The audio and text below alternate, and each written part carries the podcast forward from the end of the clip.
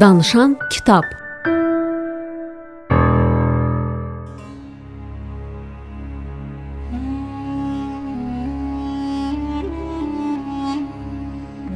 Danışan kitab layihəsi yeni bir əsərə müraciət edir. Valeri Vaskoboynikov Böyük Loğman İbn Sina Tərcümə Zeynal Babayev Gənclik 1976 Bakı Kitab Klubu məşhur rus uşaq yazıcı publisisti Valeri Mixayloviç Vaskoboynikovun tarixi povestini diqqətinizə çatdırır. Əsər 1972-ci ildə yazılmış və bestsellerə çevrilib. Təsadüfi deyil ki, bu kitab UNESCO-nun qərarı ilə İbn Sinanın min illiyi ərəfəsində bir çox dünya dillərinə tərcümə edilib. Müəllif böyük Loğmanın həyatı yolu ilə birgə onun yaşadığı zəmanənin də Orta Asiyada İslamın ən təzadlı tarixi inkişaf mərhələsində 950-1050-ci illərin saray əhli və adi insanların həyat şəraitini də çox gözəl işıqlandırır. Kitab yaşından asılı olmayaraq tarix, İslam dini və tibb elminin yaranışı ilə maraqlanan və ya sadəcə məqsədinə qətiyyətlə çatmaq istəyən bütün oxucular üçündür. Əbu Əli İbn Sina, bizim era 980-1037. Pioner birinci olmaq deməkdir. Yer üzünə onu yaxşılaşdırmaq üçün gəlmiş mərd adamlar inqilabçılar haqqında, elmdə və sənətdə yol açanlar haqqında, uşaqlıqdan öz səylərində təkidi olan və var qüvvəsi ilə öz məqsədlərinə doğru gedənlər haqqında. Ön söz. Min il bundan əvvəl Buxarada Əbu Əli Hüseyn ibn Abdullah ibn Həsən İbn Əli İbn Sina adlı dahi bir şəxs yaşayırdı. Bu uzun ad o vaxtın bir çox şərq adları kimi qəribə görünür. Halbuki əslində bu adlarda hər şey sadədir. Bir qədər sonra onun adının mənası aydın olar. Həmin şəxs İbn Sina kimdir? Həkimlər deyəcəklər ki, o dahi Loğmandır. Riyaziyyatçılar isə yox, o məşhur astronom və riyaziyyatçıdır deyirlər. Bir də böyük şair və yazıçıdır deyə ədiblər təsdiq edirlər. Axı o geologiya nəzəriyyəçisidir deyə geoloqlar bildirirlər həm də musiqi nəzəriyyəçisidir deyə musiqiçilər dilənirlər. Həm də filosofdur deyə filosoflar təsdiq edirlər. Onların hamısı da haqlı olar. Bəs gah baş nazir təyin edilən, gah vəzirlik edən, gah da məhbəsə salınan bu əbədi sərgərdan adam kimdir?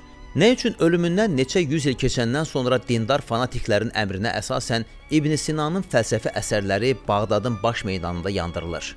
Daha bir neçə yüz il sonra Avropada çap təzgahı ixtira ediləndən sonra isə Bibliya çap edilən kimi Təbabət elminin qanunları adlı iri 5 cildlik nəşr olunur. Bu kitabların müəllifi İbn Sina olmuşdur. Avropada isə onu Avicena adlandırırlar. Müsəlman kitabxanaları onun kitablarını qayğı ilə qoruyub saxlayırlar. Nadir adamlara bu kitablara toxunmağa icazə verilir. Biz onun bir çox kitabları haqqında ancaq ağızdan ağza eşitmişik. Surət çıxaranlar İbn Sinanın kitablarının surətini səliqə ilə çıxarıblar. Avropanın müxtəlif ölkələrində bu kitabların nüsxələri çap dəzgahlarında çoxaldılıb, onlar neçə-neçə dilə tərcümə edilib. Orta Asiyada İbn Sinan haqqında rəvayətlər danışılır və dastanlar oxuyurlar. Ümumdünya Sülh Şurasının çağırışı ilə yer üzünün bütün adamları onun anadan olmasının min illiyini bayram ediblər. Bəs bu adam İbn Sina kimdir? Uşaqlıq və gənclik O vaxt tərbiyə haqqında kitablarda belə deyilirdi. Oğlun olanda birinci növbədə ona yaxşı bir ad qoy. Hüseyn adı gənc Abdullahın xoşuna gəlirdi. Bu ad onun arvadı Sitarə Banuya da xoş gəlirdi. Onlar birinci oğullarını Hüseyn adlandırmağı çoxdan qeyd etmişdilər. Uşağı künyə, fəxri ad da verilə bilərdi. Nəcib ailələr də belə edirdilər. Abdullah gülə-gülə deyirdi: "Oğlumun mütləq öz oğlu olacaq. Buna görə də qoy oğlum Hüseyn əziyyət çəkməsin. Mən artıq onun gələcək oğluna Əli adı vermişəm. O bu sözləri deyib öz-özünə belə fikirləşirdi. Əlbəttə, mömin xəlifə Əlinin şərəfinə. Oğlumun künyəsi Əbu Əli, yəni Əlinin atası olacaq. Sonra ismin özü Hüseynin adı gedəcək. Ondan sonra ərəb sözü İbn oğlu ilə birləşdiriləcək. Daha sonra babasının, ulu babasının, ulu babasının babasının adı gələcək. Təzəcə doğulan, çox çığırğan olan və ailənin fərəhi hesab edilən uşağı artıq belə çağırırdılar. Əlinin atası Hüseyn, Abdullahın oğlu, Həsənin, Əlinin oğlu, Sinanın oğlu. Gənc Abdullah fərəhlənirdi. O gündə ən azı 10 dəfə evin qadınlar yaşayan hissəsinə baş çəkirdi. Xoşbəxt arvadı Sitarə burada yatırdı. Kiçik Hüseyn dünyanın ilk əlamətlərini burada dərk edirdi. Axı Abdullah hardan biləydi ki, oğluna ikinci ad vermək məsələsi ilə nahaq yerə məşğul olub. Yox, Hüseynin oğlu olmayacaq. Onun öz ailəsi də olmayacaq. O bütün həyatı boyu karvan yolları ilə diyar və diyar gəzəcək, bir şəhərdən digərinə, bir hakimin yanından digər hakimin yanına gedəcək. Lakin bunlar hələ sonra olacaq. Hələlik isə Şən Abdullah gülümsüyür. Həm də bu əhvalat 980-ci ilin sentyabr ayında baş vermişdi. Kiçik Hüseyn ən böyük bayramın, Mehrəcanın ərəfəsində anadan olmuşdu. Bu qədim bayram payızda quru, tozlu havanın hərarəti tədricən zəifləyəndə başlayırdı. Hamı bir-birinə hədiyyə bağışlayırdı. Saray əhli və ordu qış paltarları alırdılar. Həmin gün adamlar köhnə, yağa bulanmış xalçaları, döşənəcəkləri, müxtəlif köhnə ev əşyalarını atır, əvvəlcədən alınan və sandıqlarda saxlanılan təzə, qəşəng paltarlar geyinirdilər. Ətrafda hər şey necə də dəyişir. Mənim həyatım da belə dəyişib deyə Abdullah düşünürdü. Yalnız oğul atası olmuş şəxs əsl yaşlı və yetkin adam hesab edilə bilər. İndi mənim üçün də yeni həyat başlayır. Bu çox qəribədir. Daha danışmağı və düşünməyi bacaran kiçik adam nə qədər şey yadında saxlaya bilər. Evin qadınlar yaşayan hissəsində anasının yanında ətrafa ətirli yağların zəif qoxusu yayılırdı. Atası səfərdən qayıdaraq oğlunu qucaqlayıb möhkəmcə bağrına basanda evin kişilər yaşayan hissəsi dəri və at tərini yeyib ürüyürdü. Əgər sakit əsən külək həyətdə əkilmiş cud kolların arasından keçib evə dolsa, o atasının buxaradan anasına hədiyyə gətirdiyi ətirli yağ kimi kəskin, xoş qoxu verəcək. Atası tez-tez iş dalınca gedir. O mötəbər adamdır. Ramitan kəndini idarə edir. Bu Buxaranın ən böyük kəndlərindən biridir. Atası hələ cavandır. Bu yaşda belə kəndləri idarə etmək çox az adama etibar edilir. Bir dəfə Abdullah Əfşan adlı kiçik bir kənddən keçirdi. Əfşan Ramitanın yaxınlığında idi. O hər tərəfdən quru, məhsulsuz torpaqlarla əhatə olunmuşdu. Həmin torpaqlar ali ruhani məktəblərinin tələbələrinə pay verilmişdi. Bir vaxt ərəb qəsbkarlarının sərkərdəsi Kütəyib tərəfindən tikilmiş müqəddəs cami məscid olmasaydı, həmin Əfşan kəndi çoxdan itib batmışdı. Hər bir böyük kənd cami məscidi olmasını arzulayırdı. Əgər məscid varsa, onda kəndi şəhər hesab etmək olardı. Lakin çox az kəndə məscid tikmə icazəsi verilirdi. Amma budur, Əfşanın bəxti gətirmişdi. Əfşana hətta Buxaradan ibadətə gəlirdilər. Abdullah həmin kənddən keçəndə kiçik bir iş üçün atdan düşdü. Qəfildən o gözəl qız səsi eşitdi. Abdullah sözləri demək olar ki, eşitmirdi, ancaq səsə qulaq asırdı. Lakin sonradan atını minib yoluna davam edəndə qızdan eşitdiyi sözləri də xatırladı və onların mənasına təəccübləndi. Ertəsi gün Abdullah xüsusi bir iş olmasa da yenə həmin kənddən keçdi. Elə həmin yerdə atdan düşdü, amma qızın səsini eşitmədi. Bəlkə də o heç qız deyil, qadındır, anadır, kiminsə arvadıdır və ya daha pis kənizdir.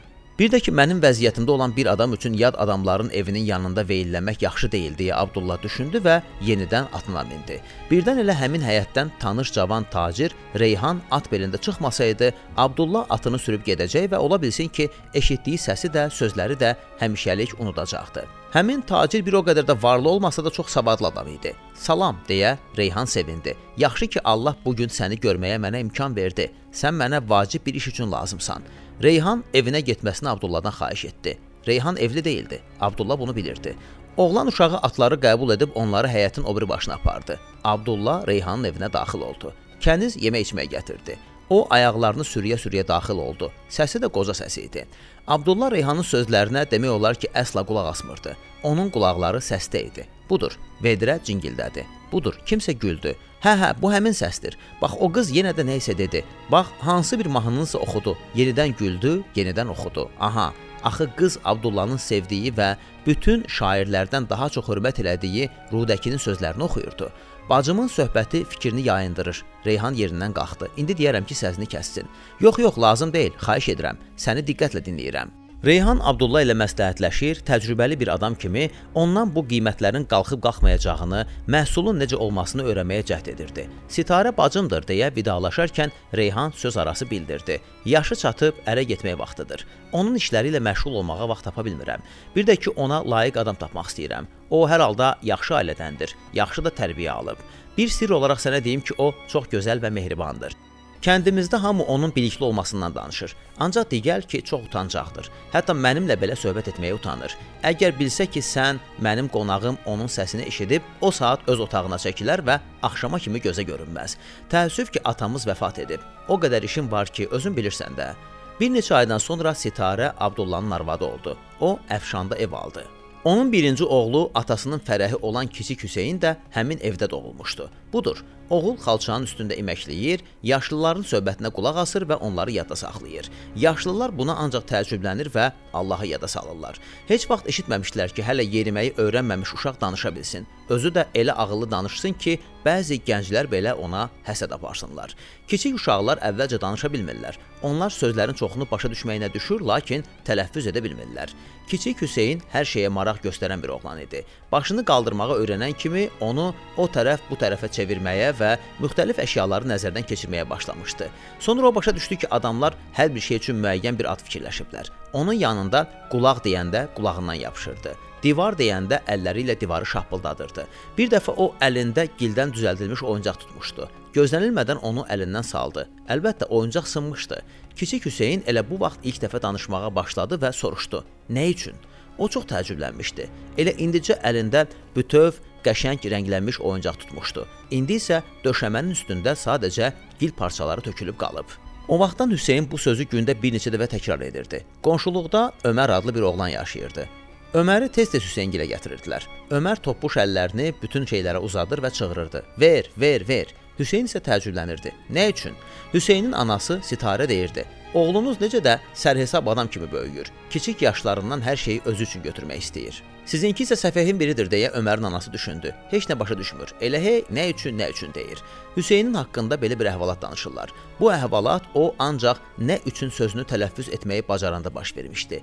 Kəniz qızıl üzüyü Hüseynə göstərərkən qəfildən onu yarma kisəsinə salır. Elə bu vaxt kənizi çağırıb harasa göndərirlər və üzük məsələsini unudur. Sonradan kisəyə ağzına qədər yarma tökülür və onu evdən ambara aparırlar. Kiçik Hüseyn bunların hamısını görür. Ertəsi gün anası bahalı üzüyünü xatırlayır və onu evdə tapa bilmir. O kənizdən şübhələnir. Üzüyü ancaq sən oğurlaya bilərdin, çünki evdə kənar adam olmayıb. Kəniz ağlayır. Ona inanmayıb evdən qovurlar. Hüseyn əllərini silkələyir və bərkdən ağlayır. Onun nə üçün dilxor olduğunu heç kim bilmir. O 2 gün ağlayır. Çox çəkmədən sözləri elə aydın tələffüz edir ki, onu böyüklər başa düşməyə başlayırlar. Həmin vaxta kimi o eyni bir səsi bir neçə gün təkrar edirdi. Lakin nə demək istədiyi aydın olmurdu. Onun işlətdiyi ilk cümlədə qulluqçudan bəhs olunmuşdu, bir də üzükdən, bir də ədalətsizlikdən. Yaşlılar təəccüblənmiş, kisəni gətirib ağzını açmış, yarmanı yerə tökmüşdülər. Görüblər ki, balaca Hüseyn haqlıdır. Kənizi tapıb ondan üzr istəyib ona hədiyyə vermişdilər, ancaq o geri qayıtmamışdı. Buna baxmayaraq qəribə uşaq olan Hüseynin haqqında bu əhvalat sonralar da onun dilindən düşməmişdi. Şairlərin Adəmi olan Rudəkinin şən və kədərli, acı və mehriban rübailərini kim eşitməyib ki? Onun melodik qəsidələrindən təsirlənməyən qanmazlar cansız müqəvvadır onun insanlıqdan heç bir payı yoxdur.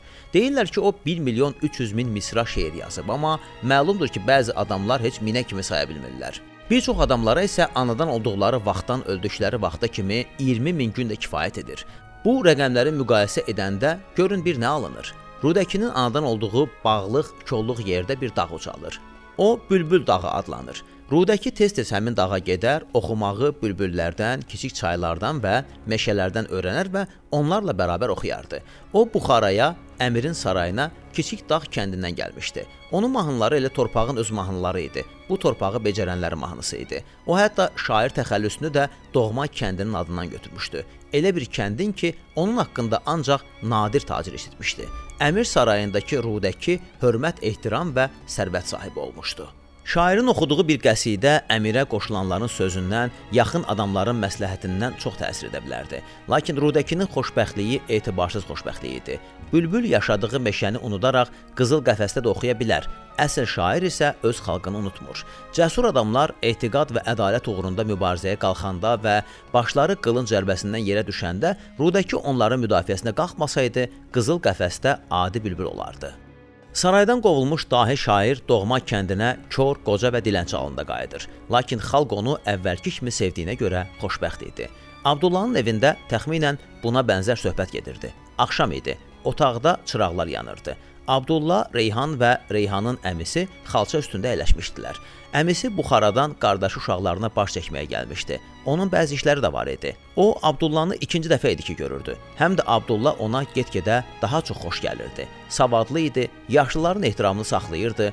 Hüseyn kiçik Abdullahın yanında əyləşmişdi. Sakitcə oturub yaşlıların söhbətinə qulaq asırdı. Deyirdilər ki, bu kiçik oğlan hətta sözləri belə tələffüz edir. Axı həyatında cəmi bir neçə cəsarətsiz addım atmış olan bir uşaq nə kimi sözlər deyə bilər? Həmin uşaq şeir deməyə başlayanda Reyhanın əmisi necə də təəccübləndi. Həm də uşağın söylədiyi əsl şeir idi. Reyhanın əmisi tanışlarından hansının haqqında isə danışarkən Rudəkidən misal gətirmək istədi. Ömrü boyu həyatdan ağıl öyrənməyən kəs dedi və birdən sonrakı misranı unutdu. Həmişə bilirdi, indi isə unutmuşdu. Səbirsizlikdən hətta barmaqlarını şaqqıldatdı. Qəfildən kiçik Hüseyn davam etdi. Dünyada heç alimdən bir şey öyrənə bilməz. Bəli, bəli. Dahi Rudəki də məhz belədir deyə Reyhanın əmsi dilləndi. Sonra birdən təəccüb içində gözlərini oğlana zillədi. Gecə Reyhanın əmsi yata bilmədi. O tərəf bu tərəfə çevrilir, təəccüblənir və qardaşı qızı Sitarənin doğduğu uşağı yadına salanda ahuf edirdi.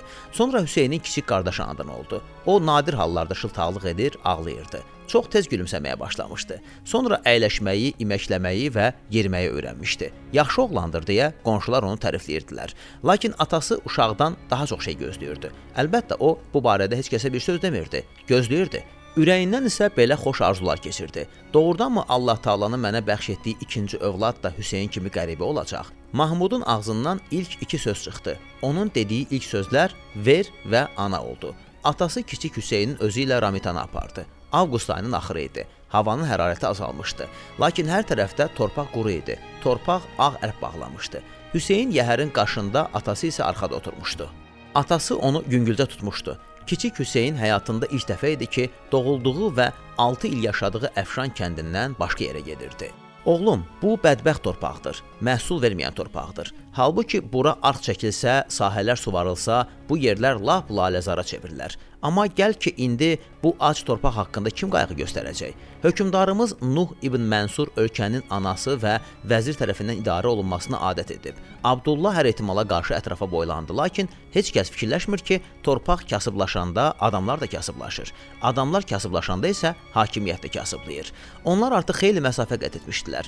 Yolda ara bir ərəblərə və atlılara rast gəlirdilər. Cırcındır içində olan adamlar tarlalarda kətmən vururdular. Qarşılarına əyinlərində cırıq xələtlər olan kəndlilər çıxırdı.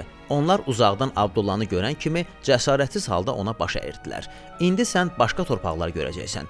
Bax burada əkinlər bir bərabərdədirlər. Orada irəlidə isə bağlardır. Bu mənim Ramitanımdır. Oraya enli arx çəkilib. İndi artıq rast gəldikləri hər bir adam Hüseynin atası ilə hörmətlə salamlaşırdı. Sonra onlar Ramitanın darvazasından içəri keçdilər. Bu ən qədim kənddir deyə atası Hüseynə izahat verməyə başladı. Onu elə belə də adlandırırlar. Qədim Buxara. Onu əfsanəvi Şah Əhrasiyabın özü salıb. Özü də 400 il əvvəl Kütəybin süvariləri Buxara divarlarının altında görünməyə başlayandan çox-çox əvvəl. Buxara hakimləri qışda burada işdən sonra dincəlməyi sevirdilər. Onlar gəlib lap arxın sahilinə çatdılar. Atası yəhərdən endi, oğlunu da qaldırıb yerə qoydu. Sahillərin sıxdığı sarı bulanıq su sürətlə axırdı. Arxadan ətrafa sərin meh yayılırdı. O biri sahildəki xarabalığı görürsən, o da qədim Ramuş kəndidir. Onu Əfrasiyabın düşməni salıb.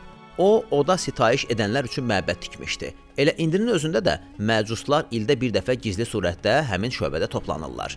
Əynində cırcındır paltar olan bir adam onların yanında dayandı. Başındakı çalman imdaş idi. O utancaq halda dayanmışdı. Bir neçə dəfə danışmaq istədi, amma cəsarət etmədi. Əgər bir şey demək istəyirsənsə unutma deyə Abdullah gülümsədi. Sənin oğlunla söhbətini kəsməyə cəsarətimiz çatmaz deyə həmin adam bildirdi. Xahişim səndən ötürü nə qədər cüzi olsa da məndən ötürü böyükdür. Yaxşı istədiyin nədir? Abdullah soruşdu. Səndən xahiş edirəm ki, o yenidən sustu. Xahiş edirəm ki, bu il məni vergidən azad edəsən. Axı niyə? Yoxsa uzun müddət xəstə yatmısan? Yoxsa əkinlərin məhv olub? Bəlkə əkin yerlərin qoşunların tapdağı altında qalıb? Həmin adam başı ilə yox işarəsi verdi. Kitab yazıram. Bu əcdadlarımızın rəşadətləri haqqında şeir kitabıdır. Onu saraya aparmaq üçün ancaq üzünü köçürməyim qalır. Məyər adın Firdosidir? Yox, deyə həmin adam təəccüblə cavab verdi. Mən Həsən ibn Asirəm. Bəs Firdosi dediyiniz o hörmətli şəxs kimdir? Firdovsi şairdir. Özü də 20 ildir ki, sənin kitabına bənzər kitab üzərində işləyir. Eşitdiyimə görə onu da vergilərdən azad ediblər. Çünki səhərdən axşama kimi kitab üzərində işləyir. Yaxşı, rahatca evinə get. Bu il səni vergidən azad edirəm. Mən kasıb adamam. Xəcalətindən ancaq qəsidə ilə çıxa bilərəm. Sənin şərəfinə qəsidə yazaram. Lazım deyil, Abdullah güldü. Qəsidəni əmirin ya da vəzirin şərəfinə yaz. Bu vaxt onların dayandığı yerə çaparaq bir süvari yaxınlaşdı. O atın başını çəkdi. Bu Reyhan idi. Abdullah, səni axtarmadığım yer qalmayıb deyə süvari dilləndi və şairə tərəf baxdı. Şair elə o saat bir kənara çəkildi. Sonra isə küçə ilə irəliləməyə başladı. Səni təcili olaraq Buxaraya çağırırlar. Evinin yanında iki çapar səni gözləyir. Təzə vəzir köhnə vəzir Ütbiyə sədaqətlə xidmət etmiş adamların hamısını qovmaq istəyir. Sənə xəbərdarlıq etmək üçün bura gizlicə gəlmişəm. Bəlkə gizlənəsənə, birdən həbsxanaya saldılar. Onda necə olsun? Mən pul da gətirmişəm. Ailəni qoruyub saxlayaram. Lazım deyil. Abdullah artıq Hüseyni yəhərə qaldırdı. Mən namuslu adamam. Vergi pullarından bir dirhəm də olsun mənimsəməmişəm. Qaçmağım ayıb və ağılsızlıq olardı. Mən özüm Buxaraya gedərəm. Oğlumu isə sən evə apararsan. Sitarəni sakitləşdirdi ki, tezliklə qayıdacam. Bəs evin yanında səni gözləyən döyüşçülərə nə deyim? Qoy Buxaraya qayıtsınlar. Mən ora onlardan tez çatacam. Onlar Ramitanın küçələrindən keçdilər. Abdullah yoldan ötüb keçənlərin təzimlərinə sakitcə cavab verdi. Darvazadan iki yol başlanırdı. Enli düz yol Buxaraya, bir qədər ensiz olan o biri isə Əfşana gedirdi. Abdullah kiçik Hüseynin başını tumarladı. Onu Reyhanın atına mindirdi və enli yolla irəlilədi. Gecə Hüseyn anasının addım səslərini eşidirdi. Qadın yatmamışdı. Kiçik qardaşı Mahmud ağlayırdı. Səhər Reyhan gəldi. Gəlib çıxmayıb deyə həyəcan içərisində o tərəf bu tərəfə nəzər salaraq soruşdu. Yox, ana kədər içində ah uf edərək cavab verdi. Mən ona xəbərdarlıq etdim, axı ona başa saldım. Bir gündə gözləyim. Sonra Buxaraya gedib bizə sadiq adamlardan hər şeyi öyrənərəm. Lakin getmək lazım gəlmədi. Ata özü qayıtdı. Hə, təzə vəzir nə edir? Axı dedim ki, Allahın qarşısında üzün ağdır. Səni heç nədə təqsirləndirmək olmaz deyə Reyhan tələsik bildirdi. Hər şeyin yaxşı qurtarmasına nə qədər şadam. Ata müəmmalı şəkildə gülümsədi. Bu gün Buxarada dostlarımın yanında gecələmişdim. Onların yaxınlığında ev satılır. Səhər ona baxdım. Çox yaxşı evdir. Özü də yaxşı yerdədir. Mənə elə gəlir ki, onu almalıyıq. Bəs vəzir, təzə vəziri gördünmü deyə Reyhan əl çəkmədi. Gördüm, var qüvvəsi ilə həmin vəzifədə qalmağa çalışır. Bəs sən, səni vəzifədə saxladı mı? Özün dedin ki, üzüm ağdır. Məni heç nədə təqsirləndirmək olmaz. Abdullah güldü. Bax, vəzir də səninlə eyni fikirdədir. Arabalar cırıldaya-cırıldaya enli, taptaq yolla hərəkət edirlər. Bir qədər aralıda başqa bir yol, daha enli, daha tapdaq yol keçir. Həmin yol Şah yolu adlanır. O iki şəhəri, Səmərqəndi və Buxaranı birləşdirir. Lakin burada, bu yolda da hər şey maraqlıdır. Budur, qarşıdan süvarilər gəlir, arabalar yolun bir kənarına çəkilirlər. Dəvə karvanları uzanıb gedir. 1, 2, 3, 10, onlar asta-asta hərəkət edirlər. Mal tayları yırğalanır. Karvanları da atlılar qoruyur. Budur, qarşıdan bayaqkılara bənzəyən daha 4 cırıldayan araba gəlir. Lakin onlar daha asta hərəkət edirlər. Arabalara çox arıq öküzlər qoşulub. Arabalarda yad adamlar və uşaqlar, oğlan və qız əyləşib. Həmin arabalara da ev şeyləri, xalçalar, pərdələr, mis qablar yüklənib. Başqa bir arabada iri paltar sandığı və miz görünür. Yol enlidir. Buradan nəinki 2, hətta 3 araba da yan-yana hərəkət edə bilər. Yolun kənarlarında tarlalar uzanır. Sağda da, solda da sakit külək əsir. Buğda sümbülləri astaca yırğalanır. Külək əkinlərin üstündən dalğa kimi ötüb keçir. Səmada çox yüksəklərdə bir quş cövlan edir. Onlar kənddən çıxanda həmin quş yolun üstündə hərlənirdi. İndi də səmada qanad çalır. Ya elə həmin quşdur, ya da yenisidir. Abdullah ailəsi ilə Buxaraya köçür. Çoxdan köçmək lazım idi. Buxarada nə qədər elmli adam var. Zabitlər, alimlər, filosoflar, memarlar. Buxarada çox qəşəng məscidlər var. Hələ Mulyanın cənnət bağları. Ümumiyyətlə o Abdullah Buxaranın ən böyük kəndlərindən birinin darğası əlbəttə gərək paytaxtda yaşaya. Birdən iri bir qoyun sürüsü yolu kəsdi. Arabalar, piyada kəndlilər dayandılar. Kiçik qardaş Mahmud yuxudan oyandı. Başlarında uca, xəz papaqlar olan 3 atlı yaxınlaşdı. Oğlum, bax bu adamlar çox uzaqdan gəlirlər. Bu adamlar Xarəzmləndilər. Belə uca papaqları ancaq Xarəzmlilər qoyur. Qoyunlar ötüb keçirlər. İndi irəliləmək olar. Bax bu da Buxaranın divarları. Abdullah divarları göstərir. Ramitan darvazasıdır. İndi gömrük haqqı verib şəhərə daxil olarıq. Orada yeni, qəşəng evdə şam edib dincələrik. Hətta kiçik Hüseyn Əfşanın bu başından vurub o biri başından çıxa bilərdi. Buxaranın harada qurtardığını Hüseyn bilmirdi. Bir küçə o birinə, o birisi üçüncüsünə calanırdı. Arxlar boyunca qəşəng məscidlər, saraylar, sıx bağlar, bazarlar. Bir dəfə atası Hüseyni özü ilə aparıb Buxaranı ona göstərdi. Mərkəzdə hündür bir yerdə istehkamları olan saray ucalırdı. Sarayı qulamlar, döyüşçülər mühafizə edirdilər. Həmin sarayda əmir öz ailəsi ilə yaşayırdı. Əmirin nəzər saldığı adam xoşbəxtdir. O ki qaldı saraya, orada ancaq seçmə adamlar olurlar deyə ata məlumat verdi. Saraydan bir qədər aralı meydançada 10 uzun bina var idi. Bunlar nazirliklər, divanxanalar idi. Atası özünün xidmət etdiyi divanxananı Hüseynə göstərdi. Bütün divanxanalar vəzir, əmirin baş məsləhətçisi tərəfindən idarə olunurdu. Hər bir divanxanada məmurlar xidmət edirdi. Hər bir divanxananın öz rəisi, sahib divanı var idi. Hüseyn atasının sahib divanını gördü. Atası onunla çox hörmətlə danışırdı və bir neçə dəfə ona təzim də edirdi. Sahib divan isə nədənsə kənara baxırdı. Amma bir iş var ki, Hüseynin atası da görkəmli adam idi. Odur, e, Ramitanda ona necə də hörmət edirlər. Daha sonra zəngin libası olan və qulamlar, döyüşçülər tərəfindən müşahidə edilən bir şəxs atını çapa-çapa saraya tərəf getdi. Uzaqdan ona yol verirdilər. Bu böyük hərbi rəisdir deyə ata sakitcə bildirdi. Simcuri, bəlkə də Sebüktekindir. Başqası sərkərdə Faiq də ola bilər. Əmirdən sonra ən mühüm adamlardılar. Onlar hətta vəzirdən də qorxmurlar. Elə əmirin özü də çox vaxt onların dediyi kimi oturub durur. Buxaranın küçələri enlidir. İki araba asanlıqla yan-yana hərəkət edə bilər. Hələ bazarlar, onlar qiyamətdilər. Lap gecəyə kimi dükanların, köşklərin, müştəri səsləyən adamların, ta yüklənmiş uzunqulaqların, dəvələrin, arabalara qoşulmuş öküzlərin, elə hey o tərəf bu tərəfə vurnuxan tacirlərin arasında çaşıb qalmaq, itib batmaq olar. Hüseyn atasının əlindən möhkəm yapışdı. Sonra sənətkarların məhəllələri ribat başlanır. Burada küçələr dar, binalar kiçikdir. Məhəllələrdən birində toxucular, o birində dərzilər, üçüncüsündə silah ustaları yaşayıb işləyirlər. Burada dəmirçilər məhəlləsi, zərgərlər məhəlləsi, kitab üzü köçürənlər məhəlləsi var. Həm də hər tərəf darısqaldır, üfunətlidir. Yalnız şirniyyat hazırlanan məhəllələrdən xoş qoxu gəlir. Məhəllələr bir-birlərindən hasarlarla ayrılır.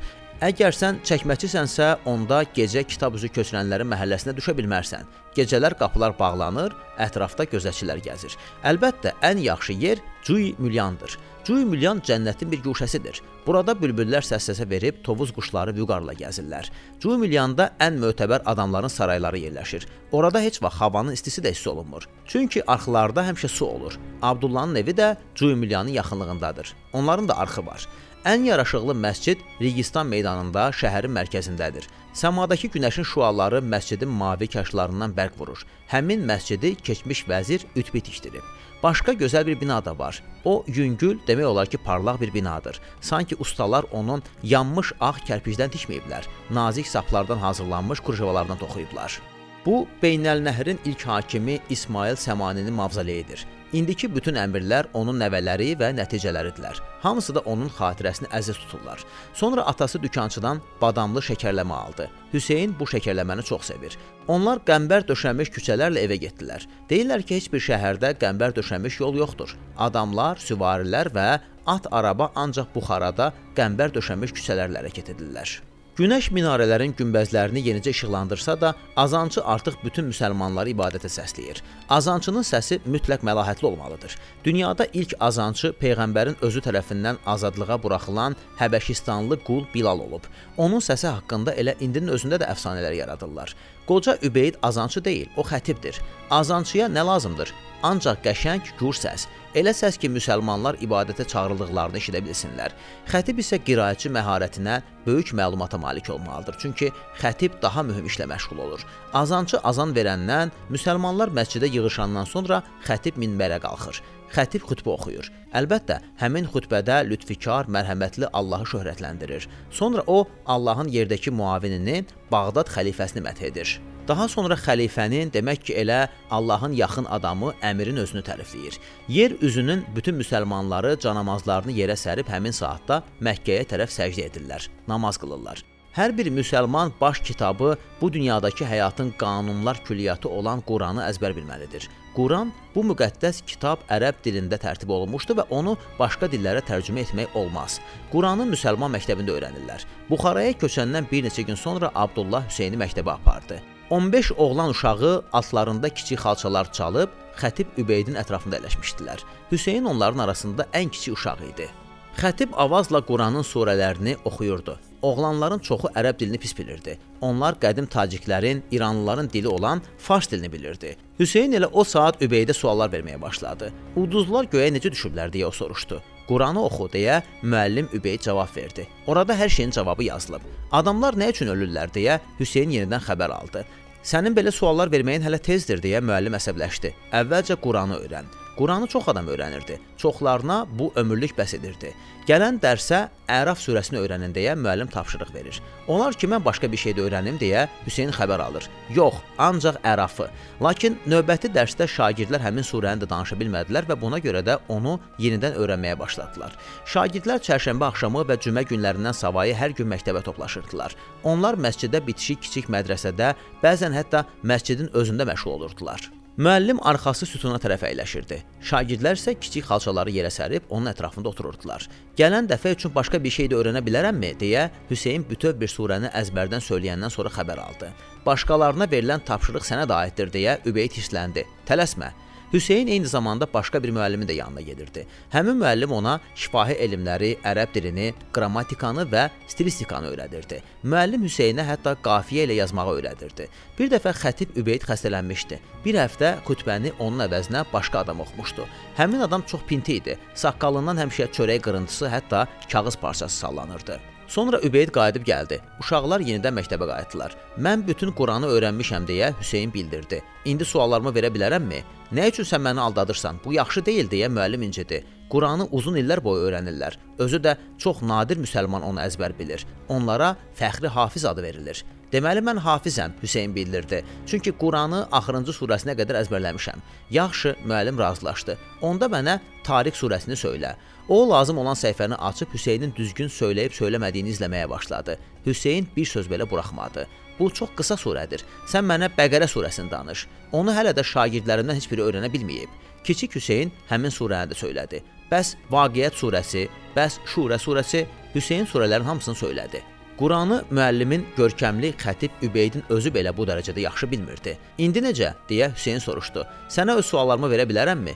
Bilmirəm, deyə müəllim çaşqın halda cavab verdi. Mənə bax, atana deyəcəm ki, daha səni bura gətirməsin. Sən həqiqətən də hafizsən. Quranı əzbər bilirsən. Bir vaxt uşaqlıqda mən də müəllimimə belə suallar verirdim. O məni çubuqla yaxşıca döymüşdü. O vaxt başa düşdüm ki, bütün cavabları Quranda tapmaq olar. Buna görə də başqalarından və özümdən soruşmağı tərk etdim. Əgər cavabları Quranda tapa bilməsən, həyatın pis keçəcək. Çətin və pis. Qoca Übeyd belə dedi. O vaxtdan Hüseyn daha məktəbə getmədi. Hüseyn haqqında belə bir əfsanə danışırlar. Çox ağıllı oğlan idi. Hələ uşaq ikən o həssaslığı nəticəsində tükü 40 hissəyə ayıra bilərdi.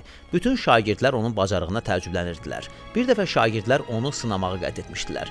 Onlar məktəbə Hüseyndən tez gəlmiş və onun həmişə əyləşdiyi xalçanın altına bir vərəq kağızı qoymuşdular. Beləliklə daha sonra müəllim gəldi, məşğələ başladı. Şagirdlər hamısı Hüseynə göz qoymuşdu. Hüseyn özünü qəribə aparırdı. O başını gah tavana doğru qaldırır, gah da aşağı əyirdi. Sonra təəccüblə dedi: Bilmirəm, ya məktəbimizdə tavan bir qədər aşağı enib, ya da döşəmə azı yuxarı qalxıb, ancaq hər halda divarların hündürlüyü dəyişib.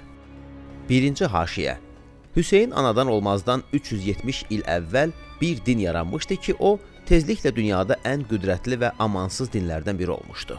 Ərəbistan yarımadasında Suriyadan Yəmənə gedən başlıca karvan yolunun üstündə Zəmzəm bulağının yaxınlığında Məkkə adlı bir ticarət şəhəri yerləşirdi.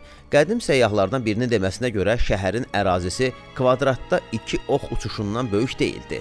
Məkkə dar vadidə salınmışdı. Şəhərin sağında və solunda dağlar uzalırdı. Yəməndən Suriyaya yollanan heç bir tacir bu vadidən, demək, elə Məkkənin özündən də yan keçə bilməzdi. Məkkədə nə taxılçı, nə də bağban yox idi. Hətta sənətkarlar da az idi. Şəhərdə ancaq ticarətlə məşğul olan adamlar yaşayırdı. Varlı tacirlər karvanlar düzəldib yola salır, kasıb sakinləri isə həmin karvanlardan dəvə çarvadarları kimi səfərə çıxır və varlanmağa səy edərək özləri də müxtəlif şeyləri alıb satırdılar.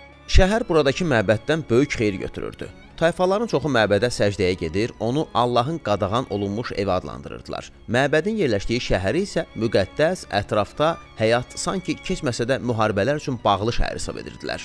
Məbəd bazar meydanının yanında özü də zər kub formasında idi. O hətta Kəbə, yəni oyun zəri adlanırdı.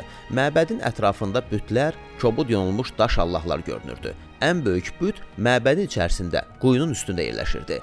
Adətən həmin quyuya nəzirlər, qurbanlar yığılırdı. Məbədin divarına ovuc boyda bir qara daş həkk olunmuşdu. Ola bilsin ki, həmin daş bir vaxt göydən düşübmüş. Tayfalar da ona çoxdan səcdə edirdilər. Məhəmməd peyğəmbər Məkkədə doğulmuşdu. Əvvəllər o peyğəmbər deyildi, yetimdi. Bir o qədər də varlı olmayan tacir Əbu Talibin qohumu idi. Sonra o varlı dul qadın Xədicə ilə evlənmişdi. Onlar 20 il bərabər həyat sürmüşdülər. Bir neçə uşaqları olmuşdu. Məhəmmədin qızı Fatimə xüsusilə də məşhur olmuşdu. Məhəmmədin xanımı Xədicənin məzarı Məkkənin şimal tərəfindəki qəbirstanlıqdadır. Qəbir indi də durur və müsəlmanlar arasında müqəddəs hesab olunur. Şəhərdə heç bir qayda-qanun yox idi. Şəhərlilərə vacib bir xəbər vermək istəyən adam meydançanın yanındakı qayanın üstünə qalxıb ucadan çığırırdı. Adamlar səsə yığışır və dinləməyə başlayırdılar. Onları qanun və şəhər deyil, tayfa qoruyurdu. Əgər səni incidiblərsə, onda qohumların müdafiələrinə qalxırlar. Onlar ölümə görə ölümlə, təhqirə görə təhqirlə intiqam alırdılar. O vaxt Ərəbistanda şəhər kənddən ancaq ölçüsünə görə fərqlənirdi. Həyat isə ikisində də elə eyni cür keçirdi. Məhəmmədin nəsli ancaq kasıblığı ilə məşhur idi. Məhəmməd savadsız idi. Cavanlıqda bir kitab belə oxumamışdı. O, digər ölkələrin və tayfaların həyatı haqqında yalnız başqa yerlərdən gələn adamlardan eşitdiklərini yadında saxlayırdı. Ondan əvvəl belə müdrik filosofların, respublikaların və imperiyaların olması fikrinə də gəlməzdi. O ətrafda öz şəhərində yarı dilənçiləri, cırzındır içində olan kasıbları və mal çəkən, mal ölçən, həyatlarının hər saniyəsində günah işləyən varlı adamları görürdü. Axı onlar belə amansız, qanunsuz və günah içində necə yaşaya bilərlər deyə Məhəmməd düşünür və həm tayfaları üçün əzab-əziyyət çəkirdi. Məkkəyə tez-tez tacirlər, yəhudilər və xristianlar gəlirdi. Məhəmməd Allah haqqında onlardan eşitmişdi. Allah qadir idi. O, yer üzündə özünü pis aparan hər kəsi cəzalandırır, dindarları isə əbədi səadətə qovuşmaqdan ötürü cənnətə göndərirdi. Hə, həm tayfalarımın nə üçün günah işləmələri aydın oldu. Onlar vahid Allahın olmasından xəbərsizdilər. Onlara mütləq təlqin etmək, Allah haqqında danışmaq lazımdır ki, ağıllarını başlarına yığsınlar və xeyirxah qanunlarla yaşasınlar. Əks təqdirdə onların hamısını cəhənnəm əzabı gözləyir. Lakin bunu necə etməli? Necə danışmalı? Mənə kim inanar deyə Məhəmməd əziyyət çəkirdi. Necə etməli ki, həm tayfalarımın Allahın olmasından xəbər tutsunlar? Çox vaxt Məhəmməd yuxudan inilti ilə ayılırdı. Qızmar günəşin yandırıcı şüaları ona əzab-əziyyət verirdi. Ona sadə adama kim inanardı ki? Lakin bir dəfə şübhələrə son qoyuldu. Həmin gecə o vahid və qadir Allahdan xəbərsiz olan xalqının bədbəxtlikləri haqqında xüsusilə də düşünmüşdü. O evdən çıxdı, yerdən buxar qalxırdı. Uzaq səmada bədirlənmiş ay görünürdü.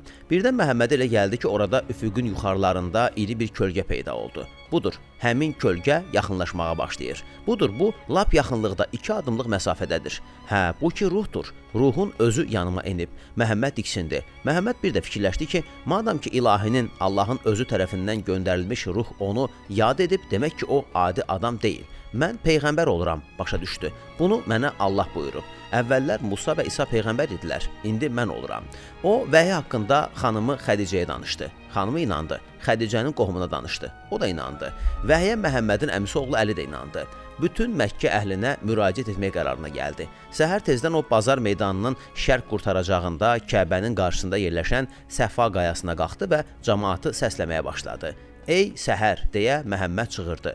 Şəhərlilərə onları gözləyən təhlükə haqqında belə çığırtı ilə xəbərdarlıq edilirdi. Tədricən bir qədər adam toplandı. Məhəmməd onları ədalətli, mömin həyatı sürməyə çağırdı. O deyirdi: "İşlədiyiniz günahlara görə ölümünüzdən sonra sizi cəza və əzab-əziyyət gözləyir." Adamlar sonra gülürdülər. Onlar gələcək başçılarını necə də söyürdülər. Boş bir şeydən ötürü Məhəmmədin onları işdən eləməsinə görə bu adamlar çox işləmişdilər.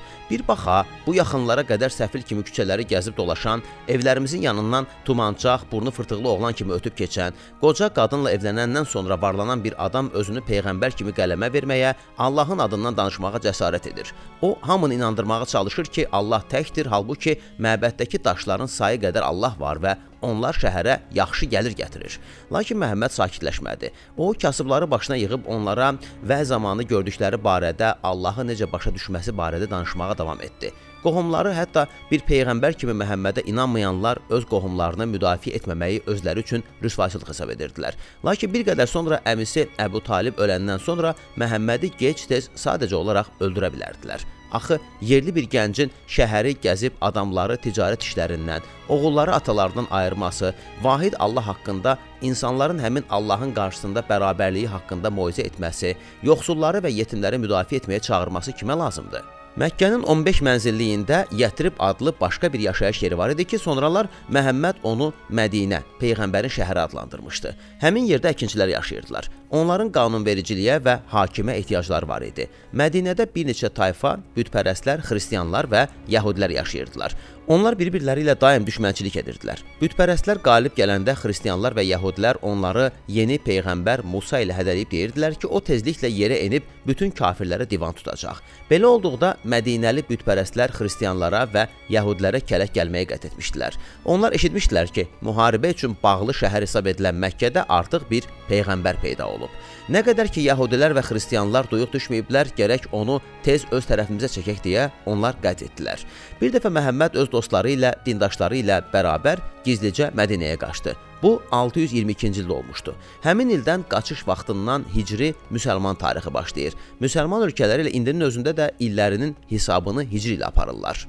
Lakin bu yaxınlara kimi Məhəmməd deyirdi ki, hakimiyyət hər yerdə günahkar adamların əlindədir və bu hakimiyyətlə mübarizə aparmaq lazımdır. İndi isə onun özü şəhərin başında durmuşdu, hakim olmuşdu. O itaatkarlıq haqqında qanunlar tətbiq etməyə başlamışdı. İlk qanunlar sadə idi. İlk qanunlara görə Mədinəlilər ona bir-birlərinə müraciət etdikləri kimi deyil, ehtiramla müraciət etməyə borclu idilər. Onlar bir iş üçün Məhəmmədin yanına gəldikdə isə daxili otaqlarda ucadan çığırıb onu səsləməməli idilər. Özünün nə vaxt bayıra çıxacağını gözləməli idilər edirdilər. Dindarların sayı çoxalır, Məhəmmədin həyatı dəyişirdi.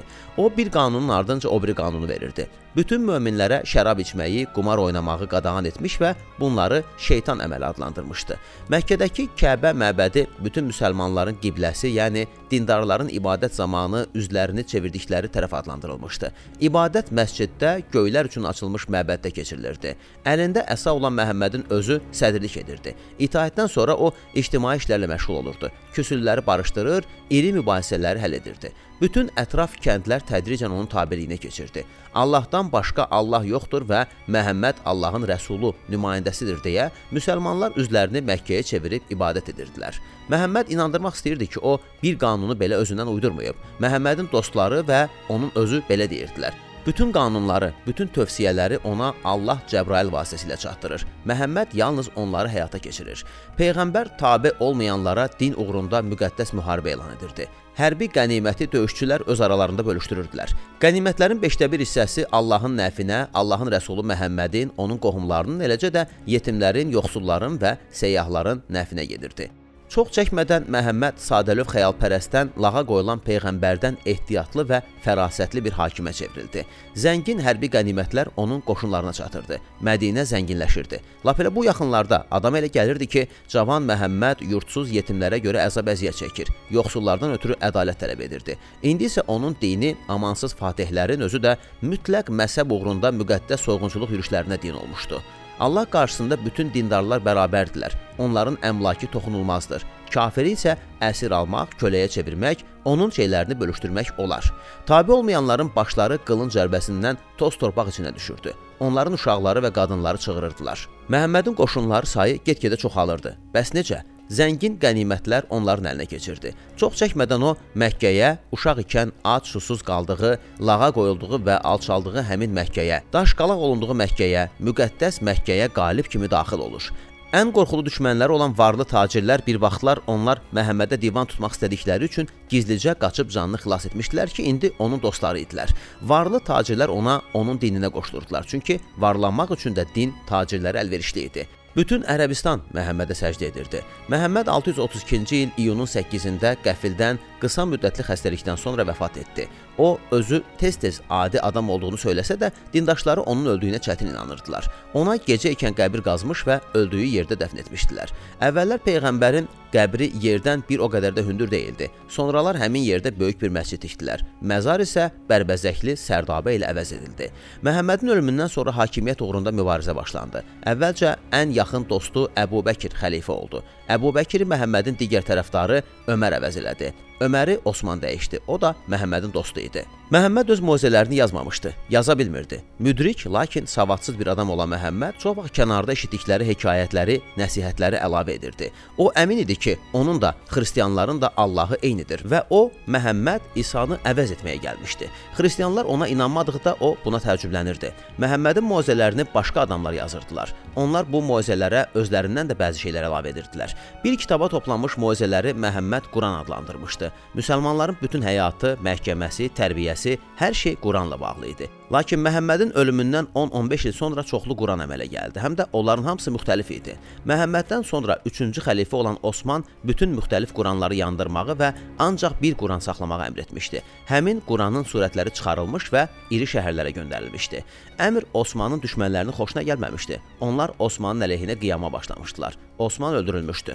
O qatilini əlində Quran tutmuş halda qarşılamışdı. Belə hesab edirdilər ki, Osmanın qanı sıçramış Quran Daşkənd muzeyində saxlanılır. Taxtdan salınmış xəlifə Osmanın ölümündən sonra hakimiyyət başına Məhəmmədin əmisi oğlu Əli keçmişdi. O həm də Məhəmmədin qızı Fatiməni almışdı. Bir neçə ildən sonra Əli də qatil tərəfindən öldürüldü. Əlinin ölümündən sonra müsəlmanlar bir neçə partiyaya bölündülər. Əsas partiyalar elə indi də qalmaqdadır. Bunlar sünnilər və şiələrdilər. Səhraları qara tüstü bürüyürdü. Şəhərlər yanırdı. Minlərlə adam döyüşlərdə həlak olurdu. Ərəb süvariləri Məhəmməd tərəfindən yaradılmış dini mübarizləri yeni-yeni torpaqlara can atırdılar. İşğal edilmiş çox böyük ərazi isə dövlətlərə parçalanırdı.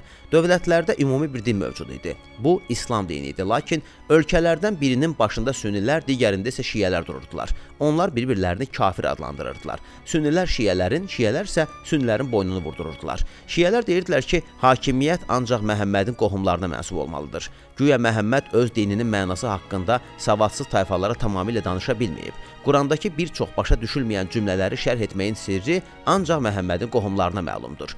Əlinin zövcəsi və Məhəmmədin qızı Fatimədən olanlar Misiri idarə etməyə başlamışdılar. Həmin hakimlər Fatimələr adlanırdılar. Əlbəttə onlar şiə idilər. Sünniləri isə inandırmağa çalışırdılar ki, Qurandakı hər şeyi olduğu kimi başa düşmək lazımdır və Məhəmmədin muavini ən dindar müsəlman olmalıdır. Həm də bu adamın peyğəmbərin nəvəsi ya da nəticəsi olması vacib deyil. Əlbəttə dini mübahisələr ancaq çox vaxt bəhanə olurdu.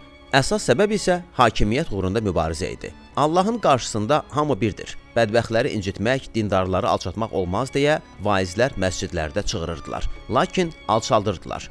Özü də elə dindarların özləri, vaizlərin özləri, işğal olunmuş torpaqlar xəlifələrə tabe olurdu. Sünnilərin öz xəlifələri, şiələrin də öz xəlifələri var idi. Hüseynin yaşadığı Buxarada iri mahal torpaqlarını və şəhərlərini xəlifələrin canişinləri olan əmirlər idarə edirdilər. Əmirləri onların sülaləsini yaradan İsmail Samaninin adı ilə Samanilər adlandırırdılar. Onlar Bağdad xəlifəsinə tabe idilər. Bağdad xəlifəsi sünni idi. O var qüvvəsi ilə şiələrlə mübarizə aparırdı. İranlılar, taciklər və Samanilərin idarə etdikləri digər xalqlar yad Bağdad xəlifəsinə tabe olmaq istəmirdilər. Buna görə də onların arasında gizlində şiələrə rəğbət bəsləyən çoxlu adamlar var idi. Hüseynin atası Abdullah da gizli şiələrdən idi. O hətta oğlu Əbu Əlinin təxəllüsünü bütün şiələrin sevimli mömin xəlifəsi, peyğəmbərin əmisi oğlu Əlinin şərəfinə vermişdi. Abdullahın evində tez-tez qonaqlar olurdu. O, həmin axşam da səhərdən hazırlaşmağa başlamışdı. Bazardan, Nişapurdan gətirilmiş yeməli gil almışdılar.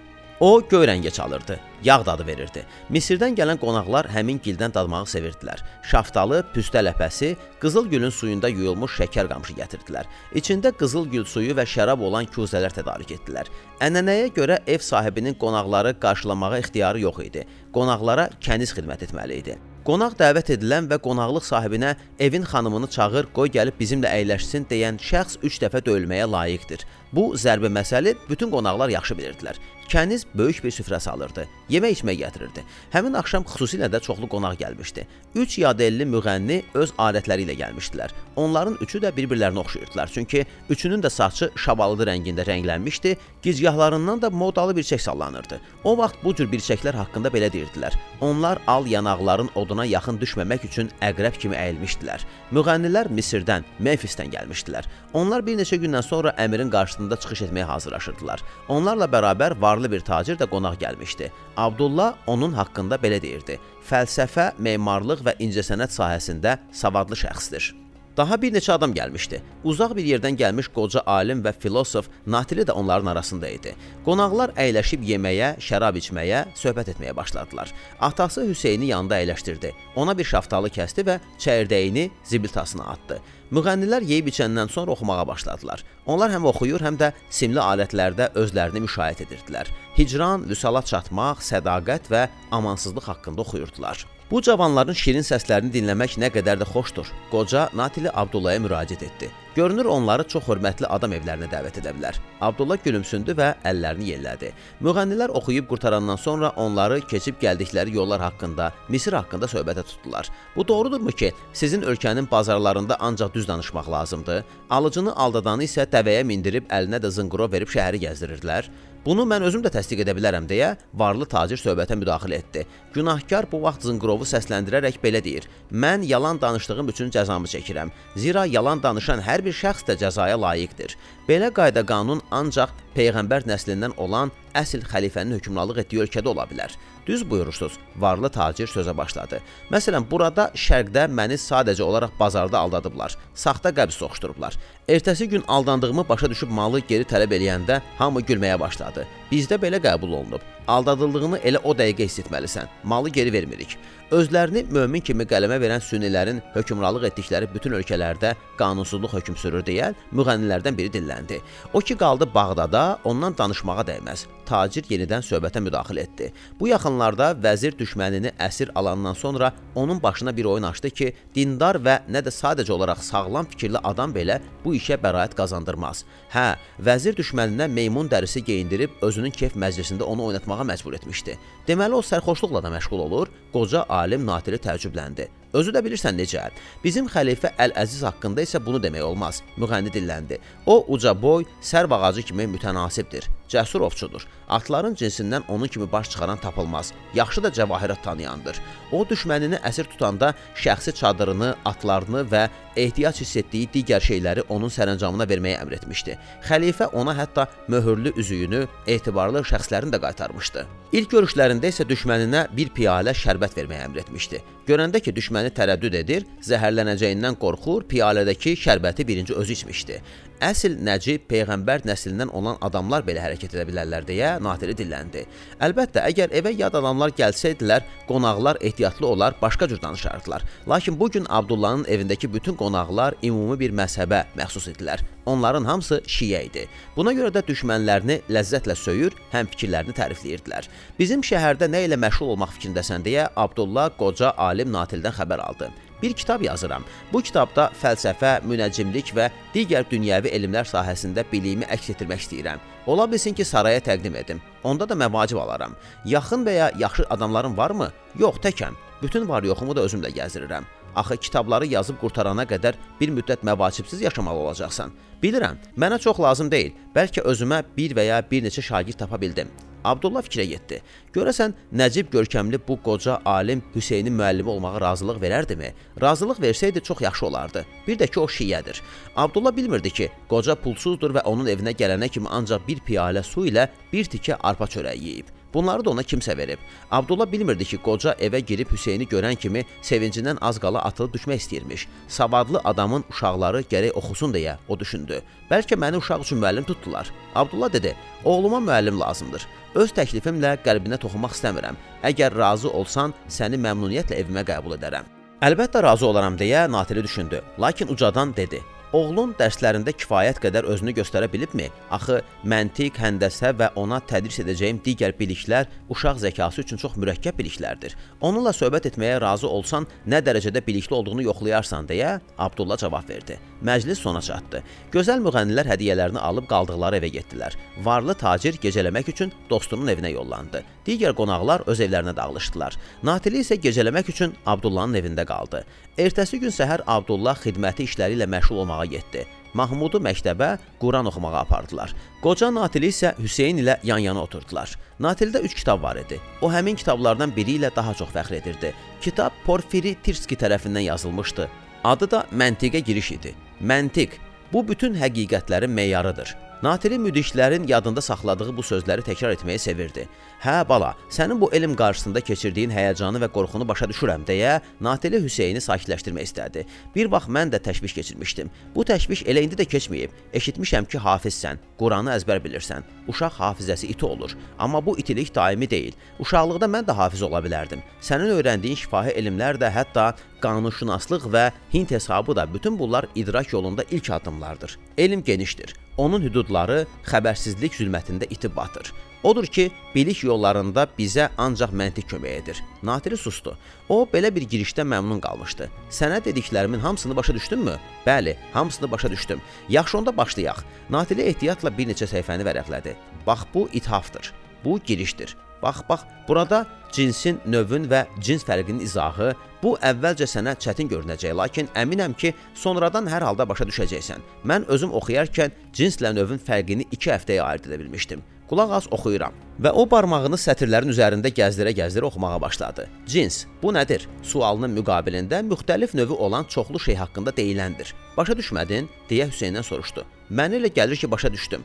Yox, sən bir fikirləş. İstəyirsən bir dəfə yaxud bir neçə dəfə oxuyum. Ya istəyirsən al özün oxu, amma ehtiyatlı ol, səhifələri cırma. Artıq başa düşdüm deyə Hüseyn cavab verdi. Həyəcanlanma. Bu məfhumlar barəsində mən özüm 2 həftə fikirləşmişəm. Biz deyirik ev və saray. Biz bilirik ki, hər bir saray evdir, lakin hər bir ev saray deyil. Demək, ev məfhumu cins, saray məfhumu isə növdür. Yəni daha kiçik məfhuma qarşı münasibətdə daha geniş məfhum cinsdir. Bu necə oldu? Necə oldu ki, sən hər şeyi elə o dəqiqə başa düşdün deyə Natili təəccübləndi. Doğrudanmı mən hər şeyi sənə bu qədər yaxşı başa saldım? Bu çətin deyil. Heyvan və dəvə, heyvan cinsdir, dəvə isə növdür. Bir də Hüseyn gülümsədi. Adam və səfeh. Adam cinsdir, səfeh növdür. Birdən dəvə və dəvə balası köşək olsa onda necə? Natili hiləgərcəsinə gözlərini qıydı və ya misal üçün saray və əmirin sarayı, onda dəvə və saray cins, köşək və əmirin sarayı isə növ olur. Yaxşı, bəs indi biz səninlə nə edək deyə Natili təəccübləndi. Elə fikirləşirdim ki, bu məsələyə bir həftə sərf edəcəyik. Yaxşı, gəl davamını öyrənək. Onlar təyinin və təsvirin izahını, hökmün nə demək olmasını, hökmün ziddiyyətləri arasında münasibətlərin izahını öyrənib gerisinə keçdilər. Bu vaxt artıq Natili öz şagirdinə izahat verməyə cəhd eləmirdi. O ancaq tərifi oxuyurdu. Şagirdi isə bir anda bu tərifi dərk edərək onların mənasını müəlliminə izah edirdi. Həm də bu vaxt Hüseyn elə aydın izah edir, elə incəliklərə toxunurdu ki, bu haqqda müəllimin özünün belə təsəvvürü yox idi. Üçüncü ibadətdən sonra atası gəldi. Oğlumun çalışqanlıqlarından razısınızmı? Natili donub qalmışdı. Nə deyəcəyini bilmirdi. O keçirdiyi həyəcandan hətta ağladı da. Mən oğluna dərs deməyə layiq deyiləm deyə özünə gələndən sonra bildirdi. Yer üzündəki ən yaxşı müəllim belə onun kimi şagirdin ancaq həsrətini çəkə bilər. Belə oğul atası. Qoca yenə də özünü itirdi. Səni başa düşürəm deyə Abdullah gülümsədi. Çox şadam ki, oğlum xoşuna gəlib. İndi nahar edərik. Sonra isə Hüseyn sən divanxanadan gətirdiyin bəzi pul sənədlərindəki rəqəmləri hesablayar. Yox, yox deyə Natili heç özü də gözlənmədən söhbətə müdaxilə etdi. Uşağın dərrakəsini hifz etmək lazımdır. Onu digər işlərə yükləmək olmaz. Onu elmdən başqa heç nə ilə məşğul etməməlidir. İşlərinə qarışdığına görə üzr istəyirəm, amma yaxşısı budur ki, qoy həmin haqq hesabı özüm aparım. Axı mən özüm də Hind hesablamasından az-çox baş çıxarıram. Bilirsən, məsələ bundadır ki, Abdullah duruxdu. Məsələ bundadır ki, həmin haqq hesabı bir axşama qurtarmağa gücümüz çatmaz. Hüseyn isə onu 15 dəqiqəyə hesablayır. Kağızsız, filansız, sadəcə olaraq şifahi. Bu ondan ötürü əyləncədir, oyundur.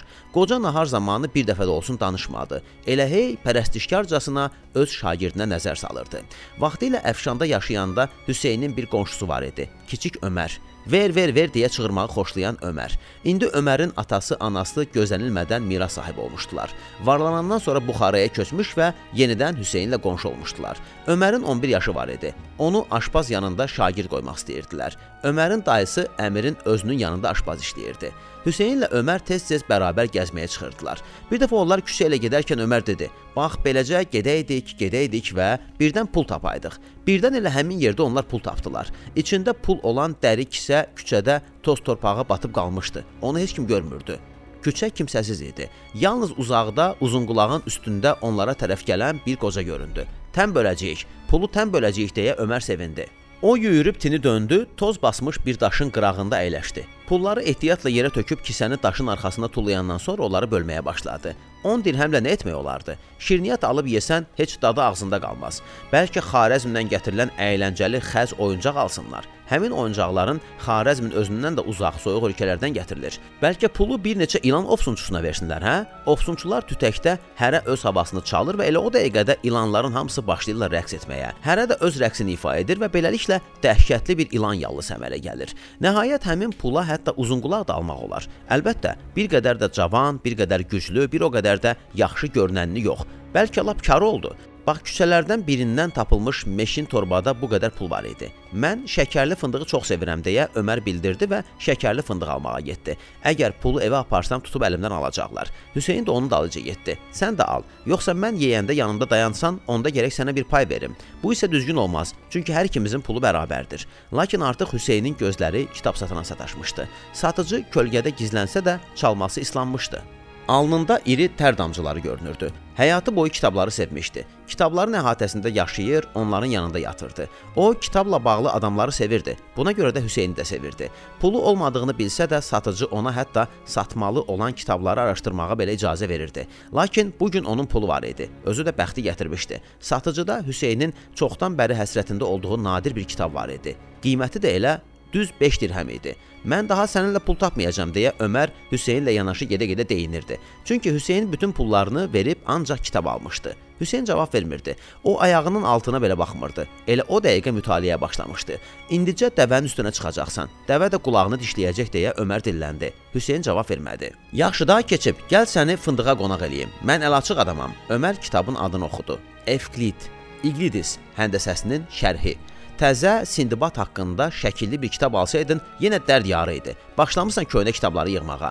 Hüseyn axşama kimi öz kitabını oxudu. Ömər aldığı fındığı yeyib qurtarmışdı. Hüseyn isə oxuyurdu. Gedək biz atat oynayaq deyə Ömər onu dəvət etdi, lakin Hüseyn ona əhəmiyyət vermirdi. Ertəsi gün onlar yenidən küçəyə çıxdılar. İndi sən ən çox nə istərdin deyə Ömər birdən soruşdu. Çox şey, Hüseyn gülümsədi. Mən isə bilirsən nə istəyirəm? O ətrafa boylandı. Keçən dəfəki kimi küçədə yenə heç kəs yox idi. Ömər gözlərini yumdu. Mən istəyirəm ki, biz yenə də pul tapaq. Hə, bir dəfə də, axırıncı dəfə. O gözlərini açdı və yerə baxdı. Əlbəttə ki, yerdə pul yox idi. Nəhayət onlar Natilinin pərəstiş etdiyi kitabı öyrənməyə başladılar. Natili hətta özünün həmin kitabda yazılanları yaxşı bilib bilmədiyini dəqiq deyə bilmirdi. Kitabın adı belə idi: Almagest və ya Astronomiyanın böyük quruluşu. Onu İskəndəriyyəli astronom Klavdi Ptolemey yazmışdı. Əlbəttə, Ptolemeydən əvvəl də insanlar astronomiya ilə məşğul olmuş, ulduzları müşahidə etmişdilər, lakin həmin elmə ciddi, dəqiq qaydaları ancaq Ptolemey daxil etmişdi. Qədim adamların hamısı yeri 7 balinanın üstündə dayanan bir səth hesab etmirdi. Bəzi alimlər deyirdilər ki, yer silindrdir və onun ətrafında bərk səma var. Ulduzlar isə mıx kimi həmin səmaya vurulub. Bir başqaları isə iddia edirdilər ki, bir neçə ay və günəş var. Hər ölkənin öz ayı, öz günəşi, onun üçün işığı var. Yalnız Aleksandr Makedonskinin mənəvi hami tərbiyəçisi Aristotel yerin kürə şəklində olduğunu təsdiq edirdi. O hətta yeri kainatın mərkəzi bilirdi. Əgər yer mərkəzi olmasaydı, əks təqdirdə Allah kainatda nə edə bilərdi? Yalnız Arximed deyirdi ki, kürəvari yer heç də mərkəz deyil. Odlu alovlu buludun günəşin ətrafında hərlənən adi kiçik bir planetdir. Ptolomey özünün astronomik sistemini yaratmışdı. O bütün qədim astronomların nailiyyətlərindən istifadə etmişdi. Eyni vaxtda Allah üçün də yer qoymuşdu. Cavanlıqda Natili Almagestin ilk səhifələrini tez-tez oxuyardı. O bir çox hissələri əzbər bilirdi, lakin səhifələr ötüb keçdikcə kitabları başa düşmək daha çətin olurdu. Buna görə də Natili dedi: Bu kitabı tək başına öyrən və sonra da mənə danış. Səni yoxlayacaq və başa düşmədiyin yerləri öyrədəcəm. Hüseyn Ptolemeyin kitabından öyrəndi ki, yer böyük hərəkətsiz kürədir. Yerin ətrafında parlaq örtüklər, qübbələr var ki, onlara da müxtəlif göy cismi yapışdırılıb. Yerə ən yaxın qübbə Ay qübbəsidir. Sonra Merkuri, ondan sonra Venera, daha sonra Günəş, ondan sonra Mars və Yupiter qübbəsi gəlir. 7-ci qübbə Saturn qübbəsidir. 8-ci qübbəyə bütün sabit ulduzlar bənd edilib. 9-cu qübbədə isə planetləri və ətraf mühiti hərəkət etməyə məcbur edən birinci mühərrik gizlənib. Əlbəttə, birinci mühərrik tamamilə Allahın iradəsindən və qüvvəsindən asılıdır. Həmin nəzəriyyədən həm astronomlar, həm də ki ilahiyyatçılar razı idilər. Yalnız uzun illərdən sonra Polşa alimi Kopernik Ptolemey ilə mübahisəyə girməyə cəsarət elədi. Ptolemey bütün planetlərin hərəkət sxemini çəkmişdi. Natili həmin sxemlərin necə çəkildiyini artıq unutmuşdu, lakin Hüseyn onlardan da baş çıxara bildi. O, məmnuniyyətlə hər bir planetin hərlənmə sxemini çəkdi. Hər şeyi də Natiliyə özü başa saldı. Elə bir vaxt gəlib çatdı ki, qoca Natili bütün biliyini kiçik Hüseynə öyrətdi. Onlar hələlik bir elmə toxunmamışdılar. O vaxt bir çox adam çörəyinin və xörəyinin şorbasının pulunu həmin elmin köməyi ilə çıxarırdı. Mən sənə münəccimlik öyrədərəm. Bu astrologiya adlanır deyə bir dəfə Natili sevinclə bildirdi. Gecələr Hüseyn və müəllimi minarəyə hündür qülləyə qalxırdılar. Qoca ayaqlarını pilləkənin iri daş pillələrinə ağır-ağır qoyurdu. Başı tavana dəyməsin deyə əyilmiş halda irəliləyir, ucadan nıqqıldayır, tez-tez ayaq saxlayaraq kiçik Hüseynin çiyninə söykənirdi. Nəhayət onlar ən yüksək yerə qalxırdılar. Qocanın aydın görünməyən kölgəsi evlərin hamardamlarına düşürdü. Qoca xələtə bürünürdü. Hüseyn müəlliminin əlindən tutur və onlar sakitcə dayanıb səssəmir eşidilməyən qaranlıq səmaya baxırdılar. Sonra qoca danışmağa başlayırdı və onun bu səsi bu gizli, tutqun və küləkli aləmdə sanki qəribələşirdi. Vega səhər ulduzudur deyə qoca həmin ulduzu göstərirdi. O sübh çağı yaxşı görünür. Bax bu bürcün altında doğulan şəxs varlı olacaq. O birinin altında doğulanlar isə ehtiyatlılıq göstərsələr çox yaşayacaqlar. Külək yenidən müəllimin xələtinin içinə dolub onu şişirdi. Müəllim daha möhkəm bürünərək elə hey güclə görünən nöqtələrə, qara ənginliklərdə bərq vuran ulduzlara baxırdı. Çox çəkmədən Hüseyn bütün planetləri və bürcləri qocadan da tez tapmağa başladı. Axı hər halda bu ulduzlar nəyə lazımdır deyə Hüseyn bəzən soruşurdu. Onlar istilik vermir və demək olar ki, işıq saçmırlar. Qoca susurdu. Bütün bu aləm nə üçündür? Qoca susurdu. Mən nə üçün yaranmışam? Hər şey Allahın iradəsi ilə yaranıb. Bütün bu qarışıqlığın nə üçün lazım olduğunu da bir Allahın özü bilir deyə Natili cavab verdi. Böyüyəndə bəlkə də sənə bir sirr açdım deyə belə günlərdən birində qoca dilləndi. Doğrudur, həmin şeyə hər halda özüm də şübhə edirəm. Onsuz da kifayət qədər yaşım var. Görürsənmi necə böyüyəm deyə Hüseyn düz durdu. Sən hələ uşaqsan, amma əlbəttə yaşına görə ağlın itidir. Bilirsənmi, mənə elə gəlir ki, ulduzların vəziyyəti insanların taleyinə təsir edə bilməz. O, deyə qoca başını əllərinin içinə aldı. Belə fikirləri ucadan söyləmək olmaz. Bunu sənə kim deyib? Özüm öyrənmişəm. Əgər müdrik kitablarda yazılanlar barəsində fikirləşib onları həyat hadisələri ilə müqayisə etsən, bunu mütləq bilərsən. Axı bürclər bütün adamlardan ötürü eyni vəziyyətdə olurlar. Lakin kəndlərin birində məhsul yetişir, digərində isə quraqlıq olur. Sən bunu özün başa düşmüsən deyə qoca təəccübləndi.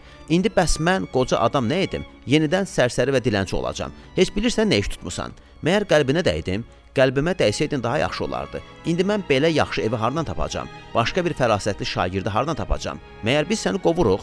Mən özüm, mən özüm sizin evdən çıxıb getməliyəm. Mən müftə sizin dadlı plovu yeməyi, qəşəng xələt geyməyi bacarmaram. Mən yoxsul qoca bütün həyatım boyu dünyanın qanunları haqqında düşünüb, səhralarda sərgərdan gəzib dolaşmış, şəhərlərdə aclıq çəkmiş, səma cisimlərinin hərəkətini öyrənib, həyatımın sonunda istədiklərimi müəyyən etmiş və sənin bir dəqiqə əvvəl mənə dediklərini kəşf etmişəm. Belə düşünmək dəhşətli olsa da mənə elə gəlir ki, səma cisimlərinin vəziyyəti həqiqətən də insanın taleyinə az təsir göstərir. Sən bu barədə məndən savayı başqa bir adama demisən? Yox.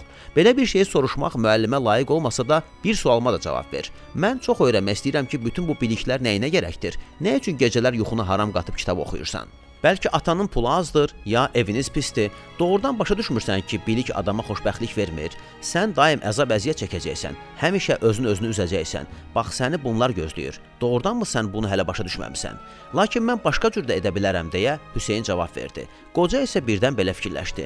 O əsla balaca deyil, sadəcə olaraq balaca görünür. Ola bilsin ki, məndən daha böyükdür. Heç olmasa az da olsa yeni bir şey öyrənməsəm, bir saat belə yaşaya bilmərəm deyə Hüseyn davam etdi. Mən aləm haqqında daim yeni bir şey öyrənməliyəm. Əks halda sadəcə olaraq yaşaya bilmərəm taleyin çox ağır olacaq. Lakin bir vaxt 1000 ildən sonra adamlar sənin haqqında danışanda mənim Natilinin də adını yad edəcəklər. Axı az da olsa mən sənə bilik vermişəm. Axşam Abdullah evdə dilxor görünürdü. Qonaqlar gəlməli idilər, amma gəlib çıxmamışdılar. Memfisli müğənnilər də gəlməmişdilər. Onlar sakitcə yığılıb yola düşmüşdülər. Gör bir onlar əmirimizlə vəzirimizə nələr etdilər deyə Abdullah təkrar etdi. Xalq narazıdır. Düşmənlər şəhərə doğru hərəkət edirlər. Onlar isə yeni vergilər təyin edirlər. Sitarə, əgər mən ölüb eləsəm, əmlakımızın bir hissəsini xəzinənin sərəncamına keçirəcəklər. Vəfat etmiş adamın ailəsinə kömək etmək əvəzinə onlar hələ həmin ailədən vergi də tuturlar. Bu gün hökmdarımız belə qət edib. Özü də elə güman edir ki, xalq onun müdafiəsinə qalxacaq. Mən zavallı isə onun iradəsini yerinə yetirməliyəm. Əgər sabah bir dostum ölüb eləsə, mən onun əmlakını aparmaq üçün evinə nə üzlə gedə bilərəm? Əgər bu əmrin öz tələbidirsə, onda gərək tabe olasan. Mən tabe olaram. Bəs gələcək məhsul üçün təcili olaraq vergi yığmalı olacağım kəndlilər nə etsinlər? Başa düşürsənmi? Gələcək məhsul üçün. Sonradan əmrin xəzinəsi yenidən boşalanda bəs o hansı il üçün vergi toplayacaqlar? Bəlkə bizim Hüseynin həyatı hesabına toplanacaq, hə? Sən isə tələsmə deyə Sitarə cavab verdi. Tələsmə. Tələsməliyəm. Bir həftədən sonra vergiləri xəzinəyə təhvil verməliyəm. Bazarda dəhşətli xəbərlər verilir. Sərkərdə Faiq Səmərqənd altında məğlub olub. Buğra xan qoşunlarımıza qalib gəlib indi düz Buxaraya doğru hərəkət edir. Deyirlər ki, əmir öz adamları ilə şəhəri tərk etməyə hazırlaşır. Məncə yaxşısı budur ki, uşaqları küçəyə buraxmayaq. Hə, onları evdə saxlamaq daha yaxşıdır. Əgər əmir getsə, vergiləri kimin xəzinəsi üçün yığacaqsan? Allah göstərməmiş birdən şəhəri Buğra xanın qoşunları tutsa, onda vergilər onların əlinə keçir. 3-4 gün gözlə. O vaxtda hər şey aydın olar. Hər şey ertəsi gün aydın oldu. Səhər tezdə minarələrin günbəzləri günəşin şüalarını əks etdirməzdən əvvəl at tapıltısı eşidildi. Səhər tezdən hava həmişə təmiz olur. Gündüz günəş tozu qurudub havaya qaldırır. Gecələr isə toz torpağın, damların və yarpaqların üstündə yatır. Belə erkən at tapıltısı eşidən sakinlər qorxu içində qapılardan boylanırlar. Tox süvarilər, qulamlar, əmrin şəxsi mühafizəçiləri qüvvətli atlarda çapırdılar. Çarvadarlar yüklənmiş dəvələri əmrin əmlakını çəkib aparırdılar. Qatarlara minmiş qara örtüklü gözəllər, əmirin hərəmxanası şişman xacələr tərəfindən əhatə olunmuş halda hərəkət edirdilər. Yenə də qulamlar, sonra əmirin özü və yenə də silahlı süvarilər.